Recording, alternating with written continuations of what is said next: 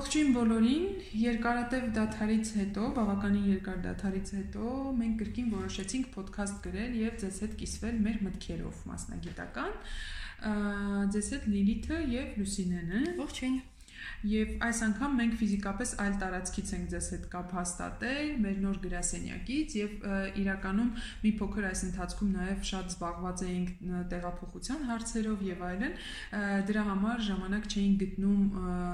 ոդքասթ գրելու, բայց հիմա նորից կփորձենք պահպանել հաճախականությունը ոդքասթներով ձեզ հետ կիսվելու։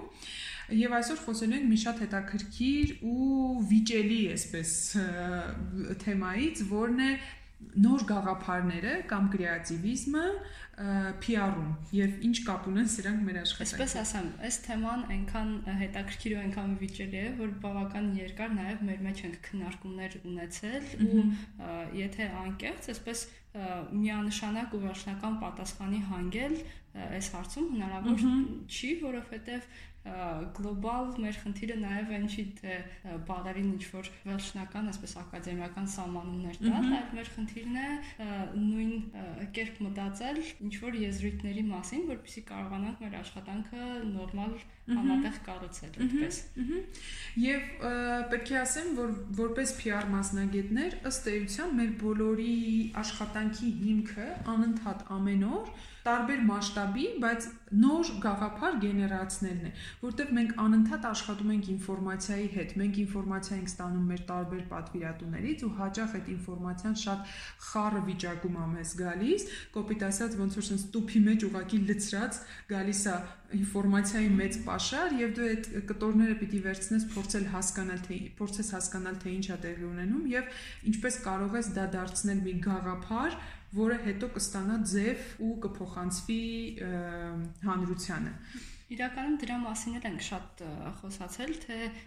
ինչու են մեր պատվիրատուներից մեզ տեղեկատվությունը գալիս այդպես ոնց որ մի տուփի մեջ լցրած ու չդասակարգված, այդ իրականում հանգել ենք այն գաղափարին, որ դա նորմալ է, երբ որ մարդիկ շատ են խորացած լինում նույն թեմայի մեջ, այսպես շատ են եփված այդ նույն թեմայում ու իրենց համար ամեն ինչ շատ པարզ է, բոլոր հապավումները, բոլոր տեսակի տերմինները ու մասնագիտական չկենտրոնացած տեղեկատվությունը այդ իրենց համար շատ հասկանալի է ու մեր նաև որպես PR մասնագետների այսպես գլխավոր ֆունկցիան կողքից նայել այդ արկղին, հասկանալ որ տեղեկատվությունն է այդ ամեն ինչի մեջ կարևոր որն է երկրորդական, որը պետք է փոխանցվի հանրությանը եւ որը իրականում հանրության համար այդքան օգտակար չի լինի։ Այսինքն ըստ էության որպես PR մասնագետներ մենք այդ ինֆորմացիային կողքից նայողն ենք եւ փորձում ենք հասկանալ թե այդտեղ իսկապես որտեղ են հետաքրքիր գաղափարները, որտեղից վերցնենք դա։ Հիմա մի փոքր, բայց շատ չենք խորանա տերմինոլոգիայի մասին կխոսենք ու այսպես ոչ թե ձեզ կտանք վերջնական սահմանում այ դուք չգիտեիք ինչ է կրեատիվիզմը։ Ահա, այս է կրեատիվիզմը, ոչ թե այդպես պիտի սահմանենք, այլ ուղղակի մեր մտքերը ձեզ հետ կիսենք ու խնդրենք, որ դուք էլ մտածեք ի վերջո, ի վերջո դուք էլ մտածեք չէիք մտածում ի վերջո մտածեք ուղղակի միտքը մտածելու համար ձեր աշխատանքում թեկուզ եթե դուք PR մասնագետ չեք ինչն է կրեատիվ, ինչն եք համարում դուք կրեատիվ, որտեվ այս բառը շատ ծեծված է ու մենք էլ երկար բանավիճում էինք, ի վերջո սա կրեատիվ է, թե կրեատիվ չի, իսկ ինչա կրեատիվը, իսկ ինչա ինովացիան, ինչա գյուտը, ինչա նորարարությունը, մի հատ շատ դաժան բանավեճի շատ դաժան բանավեճ ենք ունեցել, բայց փաստը այն է, որ մեր գոլեգաները PR ոլորտից ու այսպես ասեմ PR, կովաստ, դիզայն, այս հարակից մասնագիտական ոլորտից բոլորը կհաստատեն, որ երբ որ դու խոսում ես պատվիրատուի հետ, քեզանից անդադար պահանջում են կրեատիվ բայց ինչ ենք ի վերջո հասկանում այդ կրեատիվի տակ չեք հավատա ինչքան տարբեր բաներ է դրա մեջ մտնում ու ինչքան ինչ մեծ խառնաշփոթ է առաջացնում ամենօրյա աշխատանքում այդ եզրույթի օգտագործումը այո դրան կվերադառնան եւ հետաքրքիր հարցեր էինք իրար իրար փոխադարձ տալիս արդյոք հաշվապահը կարող է լինել կրեատիվ թե միայն PR մասնագետը արդյոք ֆինանսիստը չգիտեմ բժիշկը հետո հասկացանք որ բոլոր մասնագիտություններում հնարավոր է կրեատիվ լինել եւ այդ կրեատիվը ըստ էության քո unique interpretation-ն է իրավիճակի, այսինքն սեփական մեկնաբանությունն է ինֆորմացիայի, որովհետև մեր օրերում երբ որ համացանցը լի է գաղափարներով, ինֆորմացիայով, ինչ որ հետաքրքիր նյութերով, շատ ու շատ ավելի դժվար է դառնում նոր գաղափարով հանդես գալը կամ իսկապես իսկապես կրեատիվ ու ու նորարար ինչ որ գաղափարով հանդես գալը եւ ինչ որ մի բան երբ որ դու մտածում ես մեկ էլ տեսնում ես որ ինչ որ միտեղ ուրիշ մեկը արդեն մտածել է անկամ եթե դու դրա մասին տեղյակ չէիր չգիտեմ այդ լավագույն օրինակը օրինակ բրենդինգի ժամանակ ընկերությունների անուններ հորիներն է դու այսպես երկար, բարակ մտագրողներ ես անում, ֆոկուս խմբեր ես անում, չգիտեմ ինչեր ես անում ու գտնում ես որոշակի տարբերակներ, հետո սկսում ես ստուգել ու պարզվում է, որ ինչ որ մեկը աշխարհի եսին որ անկյունում, այդ անունը արդեն գրանցել է։ Եվ մի հատ կարևոր բան կա, որ իրապես նորարար կամ որովհետև արի սահման ենք էլի կրեատիվ ասելով շատ շատերը նույնացնում են դա նորարարության հետ, գյուտի հետ։ Մենք եկանք այն համոզման, որ իրականում կրեատիվը պարզապես գրագետ եւ կորպորատիվ ոճին համապատասխան մեկնաբանությունն է եւ ինֆորմացիան ճիշտ ձևով տեղ հասցնելն է հանրությանը, բայց շատ հաճախ շատերը կրեատիվ ասելով ավելի շատ նկատի ունեն ինովացիոն եւ նորարար։ Եվ մենք եկանք այն եզրակացության, որ իրակ, իրապես նորարար եւ ինովացիոն մոտեցումները շատ թանկ արժեն ու իրենք եզակի մարդկանց մարդկանց են տրված, ընդ որում, այսպես ասեմ, ոչ թե եզակի մարդկանց են տրված, այլ իսկապես պահանջում են երկար ժամանակի աշխատանք եւ լուրջ ներդրումներ թե ֆինանսների, թե ժամանակի, թե մտավոր կապիտալի։ Մտավոր կապիտալի, իսկ երբ որ մենք խոսում ենք հայաստանյան պայմաններում պարզապես այսպես ստանդարտ PR գործունեության մասին, այդտեղ ինովացիայի կամ նորարարության մասին խոսելը մի փոքր ծիծաղելի է, որովհետև մենք ավելի շատ գործ ունենք ամենօրյա գրագետ PR գործունեության հետ Մեր փորձից ելնելով կարող ենք այսպես կիսվել հիմնական խնդիրները որոնք են, հա, տարբեր մարդկանց հետ, տարբեր ոլորտների հետ ենք առնչվում։ Մեր մասնագիտության իհարկե հմայքներից մեկը այն է, որ մենք շատ տարբեր ոլորտների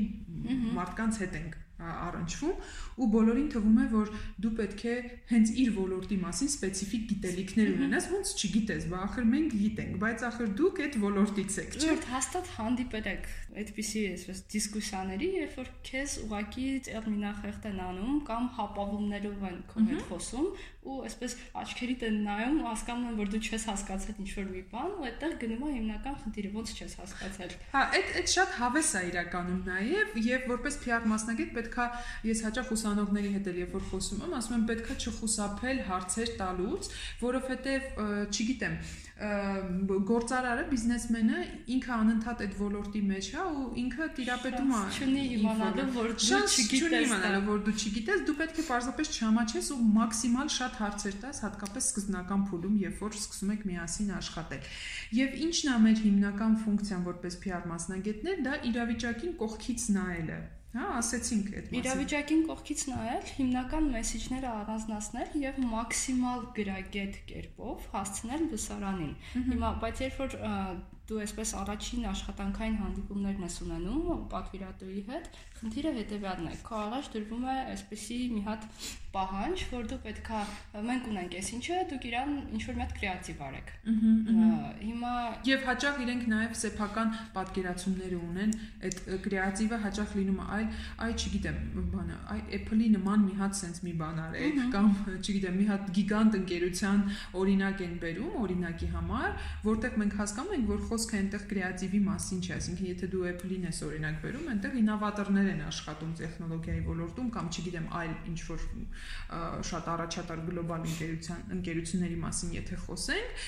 իրենց հետ համեմատվել պետք չի, այսինքն պետքա գիտակցել սեփական մասշտաբները եւ հասկանալ դու ինչ խնդիր ունես քո արժեվ գրված։ Բայց իրականում այդ նաեւ մեր խնդիրն է որպես մասնագետների այնքան լավ կոմունիկացնել մեր պատվիրատուին որոշակի գաղափարներ, որ մենք ի վերջո գանք նույն այսպես նույն հարթակին, նույն հարթության վրա, երբ որ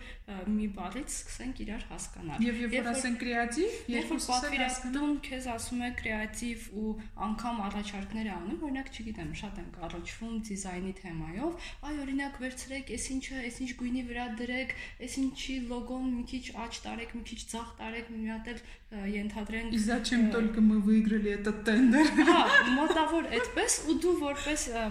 մասնագետ նստած մտածում ես, որ այն ինչ որ առաջարկում է client-ը, չգիտեմ, գուցե այսպես մտածում է, որ դա շատ կրեատիվ է, շատ այսպես ինովատիվ է ու ազդելու է իր թիրախային դասարանի վրա, ու դու նստած հասկանում ես, որ դա չի աշխատելու։ Չի, չի աշխատելու։ Մեր խնդիրն է այնքան գրագետ կոմունիկացնել պատվիրատուին, որ դու ունես նպատակ, դու ունես թիրախային լսարան ու դու ունես մեսիջ։ Իր տարածման ամենագրագետ ձևը, ենթադրենք ամենա այսպես ազդեցիկ ձևը հետեւյալն է ու ուղակի լավ անել քո գործը։ Հիմա թե դա կլինի այսպես կրեատիվ, կլինի ինովատիվ, կլինի գյուտարարական թե ինչ, այդ արդեն երկրորդական է։ Եթե մեսիջը տեղ հասավ, հա, ուրեմն ուրեմն ինչ որ չափով աշխատանքը նաև քո քո առաքելությունը իրականացված է։ Այսինքն եկեք ոնց որ փակենք այս թեման կրեատիվի հետ կապված, հասկացանք, որ կրեատիվի իմաստը մի քիչ գերագնահատված է եւ նշանակությունը եւ երբեմն կրեատիվի տակ մարդիկ ավելի շատ հասկանում են ինովացիա եւ նորարարություն, ինչը գոյություն ունի աշխարհում, բայց երբ խոսում ենք ամենօրյա PR-ի մասին, դրա մասին խոսելը մի քիչ ոնց որ մի քիչ անիմաստ, է եւ մյուս կողմից կրեատիվը հասկանում ենք կրեատիվ ասելով, մյուս կողմից հասկանում ենք ոչ թե այդ ինովացիան, նորարարությունը կամ հեծանի ֆորինելը, այլ գրագետ մեկնաբանությունը եւ թիրախային լսարանին ճիշտ մեսեջները տեղ հասցնելը այն ձևով, որը որ մաքսիմալ ազդեցիկ կլինի։ Իրականում հենց նոր եկավ այսպես մտքիս, չգիտեմ ինչքանով տեղին կլինի, բայց եթե այս կոնտեքստում ենք նայում, կրեատիվը մեր բարակայում հետեւյալն է՝ ունենալ ոչ թե մեկ լուծում, տվյալ խնդրին, այլ մտքում ունենալ նույն խնդրի լուծման գոնե 2-3 տարբերակ։ Այո։ Հիմա Գալով բուն գործընթացին, այսպես ասում ենք, հա, մեր աշխատանքի հիմքը կրեատիվն է եւ նոր գաղափար գեներացնելը։ Ինչքան շատ ասացինք այդ բառը կրեատիվ։ Նոր գաղափար նոր գաղափար գեներացնելը մեր աշխատանքի ու ամենօրյա գործունեության հիմքն է։ Հիմա հասկանանք ոնց են գեներացվում այդ նոր գաղափարները մեր օրինակով։ Մենք պատմենք առհասարակ գաղափար ինչպես է գեներացվում, որտեղ մենք գործ ունենք ինֆորմացիայի մեծ պաշարի հետ, որից փորձում ենք գաղափար սարքել պրոդուկտ սարքել։ Իրականում երևի թե հենց սկզբում ֆիքսեցիք, որ ասացինք նոր գրասենյակ ենք տեղափոխվել, մինչդեռ մի քանի ամիս առաջ դեռ աշխատում ենք այսպես ավելի շատ freelance վիճակներով, ինչի ենք տեղափոխվել նոր գրասենյակ։ Այլի, կաշխատեինք։ Կաշխատեինք, չէ, ինչի ենք ավելորդ փող ծախսում։ Այ այստեղ գալիս է գաղափարների գեներացման այսպես հիմնական կետը։ Ընդ որում կներես լույս մեր դեպքում հենց դա կարևորագույն դրդապատճառներից մեկն էր նույն տարածք ֆիզիկապես նույն տարածք տեղափոխվելու որովհետև շատ մասնագետների մոտ դա ուղղակի կարող է լինել տեխնիկական անհրաժեշտություն օրինակ չգիտեմ հատուկ տեխնիկա կա որը պետքա տեղադրվի ինչ-որ միտեղ կամ չգիտեմ ինչ-որ ընդհանուր ցանց կա որը պետքա միասին օգտագործեն մեր դեպքում մեր մասնագիտությունը ըստ էության թույլ էր տալիս հա ենթադրենք պայմանականորեն հնարավոր էր ճանենալով ֆիզիկապես նույն այսպես տեղակայումը աշխատել, հա? Եվ մենք հասկացանք, որ իրականում ոչ, մեր դեպքում էլ շատ կարևոր է նույն տարածքում գտնվելը հենց գաղափարների գեներացման համար։ Եվ պատահական չի, որ աշխարհում շատ տարածված են այդ open space աշխատանքային միջավայրերը, որովհետև եւ հատկապես մեր նման այսպես PR, մարքեթինգ, այս ոլորտի մասնագիտություններում շատ կարևոր է open space վիճակը, որովհետև դու անընդհատ կոմունիկացիայի մեջ ես քո գործընկերների հետ եւ այդ այդ ընթացքում ֆանտաստիկ սիրուն գաղափարներ կարող են ծնվել, որոնց մասին իրականում ծնվում են եւ իրականացվում են, որոնց մասին չէր էլ կարող պատկերացնել, եթե ամեն մեկս առանձին սենյակներում նստած լինեինք։ Իրականում ոնց է մտքերի գեներացման process-ը ինչպես է ընթանում, ամեն մեկս է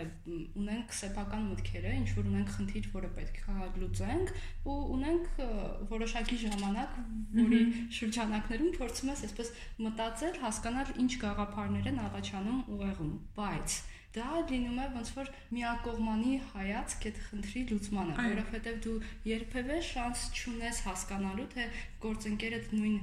նույն այդ թեմայով ինչ է մտածում կամ քո առաջարկած գաղափարը ինչ խոցելի կետեր ունեն։ Այլ կերպ ասած, դու մտագրողի հնարավորություն միայնակ մտագրողի իհարկե լավ է, դրա մասին էլ կխոսենք մտագրողի ինչ տեսակներ կան, հա, մտագրող միայնակ եւ մտագրող թիմով։ Եվ թիմով մտագրողները լավագույն տարբերակն են նոր գաղափարներ գեներացնելու։ Այսինքն մենք հասկացանք, որ ֆիզիկապես տարածքը, քո location-ը մեծապես ազդում է քո գաղափարների գեներացման վրա։ Հիմա այսպես մի քանի կետ ենք առանձնացնել, որոնք կարևոր են առհասարակ գաղափարների գեներացման հետ կապված։ Ըստ էության գաղափարի գեներացումը աշխատանքային պարտականության հետ որևէ կապ չունի։ Բացարձակ։ Այսինքն, երբ որ դու ընդունում ես նոր աշխատողի, չէ, ստանդարտ գոյություն են աշխատանքային պարտականություններ եւ այլն, դու մարդուն նո ըստ էության կարող ես ասել, որ քո պարտականությունների մեջ մտնում է նաև նոր գաղափարների գեներացումը,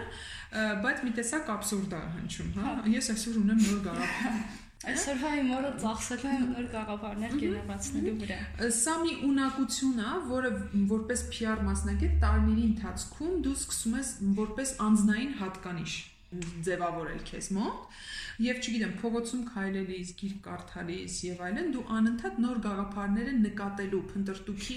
մեջ ես եւ ի վերջո կուտակում ես ինչ որ բազա, որը հետագայում արդեն գրասենյակում գործընկերների հետ աշխատելու ինքը մտագրողի տեսքով կարող է դառնալ վերածվել product-ի։ Իրականում սրա հետ կապված ինքը ելի մի քիչ առնչվում է կրեատիվ կոչվածի հետ։ Ունեմ հետեւյալ մոտեցումը մի հատ լավ ընկեր ունեմ, ով որ միշտ ասում է, որ մտածելու ունակությունը դա ոնց որ մկանային գործողություն լինի։ Վատ է հնչում, բայց դու հնարավորություն ունես այդ ֆունկցիան զարգացնելու։ է։ Եթե դու չգիտես մտածել, դա ամեն ինչ անհույս չի։ Իրականում տես դրա մեջ կա որոշակի ճշմարտություն, որովհետև կա մտածելու տեխնիկաներ։ Նույն էս մտագրողը ինքը ոնց որ պարտադրաբար մտքեր գեներացնելու ինչ որ process-ը process-ը բայց կան նաև ուրիշ մեխանիզմներ, ուրիշ տեխնիկաներ մտածելու ու մտքից միտք զարգացնելու ու այդ ունակությունը իրոք զարգացվում է, որովհետև ի վերջո մենք բոլորս ծնվում ենք միատեսակ ոնց որ default setting-ներով կոպիտ ասած ու մենք իրանց հնարավորություն ունենք զարգացնելու ոնց ենք նոր լեզուներ սովորում ոնց ենք դպրոցում ինչ որ առարկաներ սովորում սիրում կամ չսիրում ու այսպես զարգացնում դարձնում մասնագիտություն նույն ձև նաև մտածելու ունակությունը հնարավոր է ու մտքեր գտնելու այդ մտածելու ընթացքում մտքեր գտնելու կապեր հորինելու հնարավորությունը կարելի է զարգացնել այո ընդ որում ես կուզենայի դիմել այն սկսնակ PR մասնագետների ֆիլմերին, չգիտեմ, ովքեր նոր են համասարանում են սովորում կամ չգիտեմ, նոր են ոլորտ մուտք գործում, բնականաբար սկզբնական շրջանում ձեզ թվալու է, որ նոր մտքեր գեներացնելը շատ բարդ process է եւ դուք դուք ի վիճակի չեք նոր մտքեր գեներացնել։ Դա այդպես չի ու իսկապես ոնց որ Լուսինեն ասաց, ժամանակի ընթացքում դա բնական աշխատանքային process է դառնում նոր մտքեր գեներացնելը, մտագրողները անելը։ Այստեղ կա կարևոր մի քանի ուղակի կետեր կան, որոնց պետք է ուշադրություն դարձնել մտագրողների ժամանակ չշեղվել հիմնական թեմայից հասկանալ թե ի վերջո մենք ինչ խնդիր ենք լուծում, ինչ խնդրի համար ենք այդ նոր գաղափարը գեներացնում եւ բնականաբար պատրաստվածությունը թիմի անդամներից յուրաքանչյուրի ու թեմայի մեջ խորանալը։ Եվ ժամանակի ընթացքում վստահեցնում եմ ձեզ, հետո որ հետ նայեք կհասկանաք, որ նոր գաղափարներ գեներացնելը դարձել է ձեր մասնագիտական գործունեության այսպես նորմալ նաեւ ձեր անձնային ունակությունն է։ Ահա, ահա Հիմա գալով մտագրողներին, հա, ինքը ինչպես Լուսեն ասեց, նոր գաղափարներ գեներացնելու մեխանիզմներից մեկն է ընդհանրապես։ Այսպես խմբային մտագրողները, հա, ինչպես ենք մենք իրականացնում, միգուցե կիսվենք փորձառությամբ Դե իրականում տես ամենա միշտ չի որ ամենա լավ ու արդյունավետ մտագրողը լինում է նախապես պատրաստված մտագրողը նախապես հարկավոր է պատրաստվել եթե խումբը քննարկող խումբը մեծ է թվով, այսինքն 10-ից ավել մարդկանցով հավաքվել եք ու պետք է ինչ-որ մի բան ինչ որ մի բանի եզրահանգ եք, այսպես այդ դեպքում պարտադիր պետք է թեմային նախապատրաստվել, պետք է նախնական սեփական գաղափարները ունենալ, որ այսպես բացես դնես սեղանին ու քննարկես մարդկանց հետ։ Բայց մեր դեպքում, օրինակ, մեր թիմը փոքր է ու մեր մոտ շատ հաճախ այսպես սպոնտան մտագրողներ են տեղի ունենում, բայց ինչն է հիմնական առանձնահատուկ բանը, որին միշտ ուշադրություն ենք դարձնում, չնայած արդեն անգամ ուշադրություն չենք դարձնում, ինքն իրեն է այդպես ստացվում, փորձում ենք մեզանից մեկը ակամայից դառնում է այդ մտագրոյի մոդերատոր։ Մոդերատոր։ Ով որ ոնց որ tracking-ը պահում է, որ չշեղվենք։ Բնականաբար տեխնիկական մասերից եթե խոսանք, շատ լավ է, եթե ունեք ձեր ձեռքի տակ կամ գրատախտակ կամ գրելու հնարավորություն, մեծ թղթեր, նշումներ անելու հնարավորություն։ Բրենդինգում շատ հաճախ հիմա սկսել են կիրառել նաև ֆոտոներով ու լուսանկարներով brainstorming-ը, ասոցիատիվ խաղերը։ Սա իրականում շատ երկար թեմա է, տեխնիկական մանրամասները դուք ինտերնետում փորփրելով, ինչպես ասում են, կկարողանաք գտնել, թե տեխնիկապես ինչ մեթոդներ կան, բայց մի հատ հետաքրքիր հարց կար, որ ուսանողներն էլ ինձ այդ հարցը տվեցին, կապված copywriting-ի հետ ու առհասարակ այդ նոր է թե նոր չէ գաղափարը, ինքնատիպ է թե ինքնատիպ չէ, սա իսկապես բարդ բարդ հարց է, հատկապես օրինակ երբ խոսում ենք բրենդինգի ու վիզուալ ինքնության մասին, ինձ կոնկրետ օրինակներ էին բերում ուսանողները, որոնց մասին ըստ էության ես էլ էի տեղյակ, բայց էթիկապես ճիշտ չէր լինի ոլորտի մասնագետներին այսպես ոնց որ թերությունները մատնանշելը, երբ որ բավականին խոշոր բրենդինգ պրոյեկտները Հայաստանում իդենտիկ ունեին նման, այսինքն ոճային հստակ կոպիաներ միջազգային ինչ որ հայտնի կամ ոչ անհայտ բրենդերից Եվ այստեղ հարց է առաջանում, ինչպես ինչպես է տեղի ունենում այս ամբողջ գործընթացը, արդյոք դա եզակի է թե եզակի չի, ինչ անեն պատվիրատուները այդ դեպքում, ու այստեղ էթիկական լիքը հարցեր են առաջ գալիս։ Բացի էթիկական հարցերից, որոշ երկրներում այդ օրինակ գրագողություն կոչված է, ինքը քրեորեն պատժելի արարք է ու ցանկացած մեկը, ով որ կրեատիվ գործունեությամբ զբաղվում, կներեք այս բառի շատ օգտագործման համար, ինքը նաև պարտավոր է համոզվել, որ իր արածը, անգամ եթե ինքը ոչ մի տեղից չի ոգեշնչվել, իր արածը նախքինում չի կրկնվել ու հետեւաբար գրագողություն չի։ Օրինակ, նույն տեքստերի հետ աշխատող մարդիկ ունեն tool-եր, անտիպլագիատ կոչվածները։ Դե տեքստերի դեպքում հա մի քիչ ավելի հա։ Նույն բանը նաև վիզուալ ինքնության մասին է խոսքը, երբ որ դու լոգո ես ստեղծում կամ բրենդային ոչ, չգիտեմ, ամենապրիմիտիվ բանն եմ ասում, նույն Google search-ը ինքը հնարավորություն է տալիս նկարներով search անելու, հասկանալու արդյոք խոսքը բաներ, ուղղակի copy paste-ի մասին չէր, այլ ինտերպրետացիայի նմանության, այսինքն գույնը գույնը տարբեր է, գիտես, բանը, ֆորման մի քիչ այստեղ ավելի մեծ կամ փոքր է։ Այնքան սուբյեկտիվ է այդ ամեն ինչը իրականում, բայց Եթե գալիս գալիս հանգում է էթիկայի կանոններին ու մեր սեփական աշխատանքը հարգելու ու մեր պրոֆեսիոնալիզմին մյուս կողմից էլ նաև այն վարչատրությանը, որի դիմաց նայ, օրինակ շատ, չգիտեմ, բրենդինգ ընկերություններ եւ PR ընկերություններ շատ-շատ մաչելի գնով ինչ որ վիզուալ identity եւ այլն, բա եւ հարցը առաջանում, եթե դա իսկապես unique եւ մտածված եւ նոր, նու քիչ թե շատ նոր product է, ինչպես կարող է ինքը այդքան ցածր գին, գին ունենալ։ Հա, այստեղ ակնհայտ է, որ ինչ որ կրեատիվի մասին խոսք լինել չի կարող, ուղղակի որոշակի գրագիտության սահմաններում ստեղծվում է ինչ որ շատ լավ բան է ասում։ Պահանջներին համապատասխան product։ Հա, այդ մտածելու տեղը ստալիս ներկա ու ապագա պոտենցիալ պատվիրատուներին ու առհասարակ ցանկացած ընկերությունների աշխատակիցներին, ովքեր այսպես թե այնպես ինչ որ փուլում հանդիպելու են վիզուալ ինքնություն ու առհասարակ կրեատիվ աշխատանք անող այլ ընկերությունների հետ հարկավոր է նաև այդպես չգիտեմ շուկան ուսումնասիրել ու հասկանալ որ ընկերություններն են իրոք այսպես ունիկալ product տրամադրում ու ինչ գնային սահմաններում եւ որ ընկերությունները ու ինչ գնային սահմաններում տալիս են ուղակի թեկուզ եւ պրոֆեսիոնալ բայց կրկնվող ինչ որ բաներ։ Ու արդեն ինձ թվում է նաև պատվիրատուի կոպիտ ասած պատասխանատվությունն է կողմնորոշվել դու որ մեկն ես ուզում։ Եվ ոնց որ սահմանափակելով այս բավականին բարդ թեման, որը որ շատ տրամադրում է որ անընդհատ շեղվես, ինքը շատ բազմածավալ, բազմաթիվ շերտեր ունեցող թեմա է ու երկար կարելի է բանավիճել, իսկ ինչա կրեատիվը, ոչ կրեատիվը, այլ բանա ինչա նորարարությունը, արդյոք այս տեքստը կամ այս վիզուալը կամ այս արշավի գաղափարը, որ ինձ առաջարկվել է, սա կրեատիվ է, թե կրեատիվ չէ։ Ուղղակի այսպես մեր փորձից ելնելով մի հատ կարևոր ոնց որ եզրահանգման գանք, մեր մոտեցումը, մեսիջը հիմնական սրա հետ կապված այն է, որ որպես PR մասնագետներ մենք այն համոզմունքը ունենք, որ ճափից դուրս տարվել է խիստ կրեատիվ եւ ստեղծագործ ինչ որ բան անելով, ունի իր այսպես պաբոչնի էֆեկտները, այսինքն այո, որ բերելու է ձեր խնդրի լուծմանը։ Այո, պետք է հասկանալ պարզապես թե մենք չշեղվել խնդրից եւ հասկանալ որն է լավագույն ձևը ինֆորմացիան, մեսիջը, որովհետև PR-ի հիմնական ֆունկցիան ինչի եք դուք զբաղվում PR-ով, ինչու ինչու եք թիմերի հետ համագործակցում, որpիսի որոշակի մեսիջներ տեղ հասցնեն ձեր թիրախային լսարանին եւ ձեր հեղինակությունը ձևավորեն եւ վստահեցնում եմ ձեզ,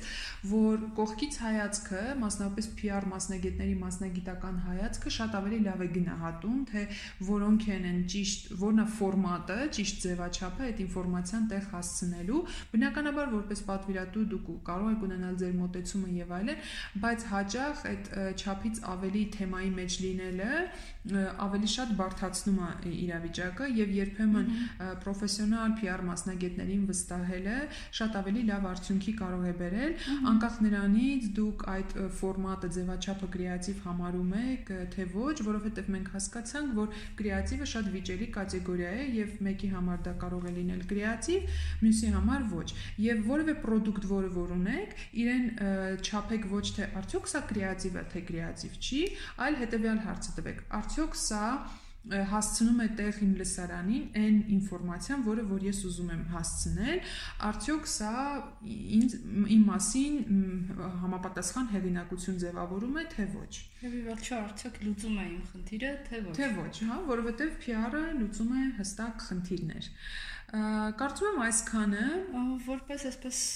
ավարտ, ես էլ կուզենամ նորից հիշեցնել, որ ցանկացած տեսակի աշխատանք սկսելուց առաջ գործընկերներով միասին